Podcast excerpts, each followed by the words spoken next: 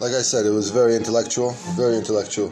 I hope you understood but uh, you will have to philosophize, philosophize a little bit more to understand it. When I see the Spanish one, I say it's uh, it's very very uh, compromising.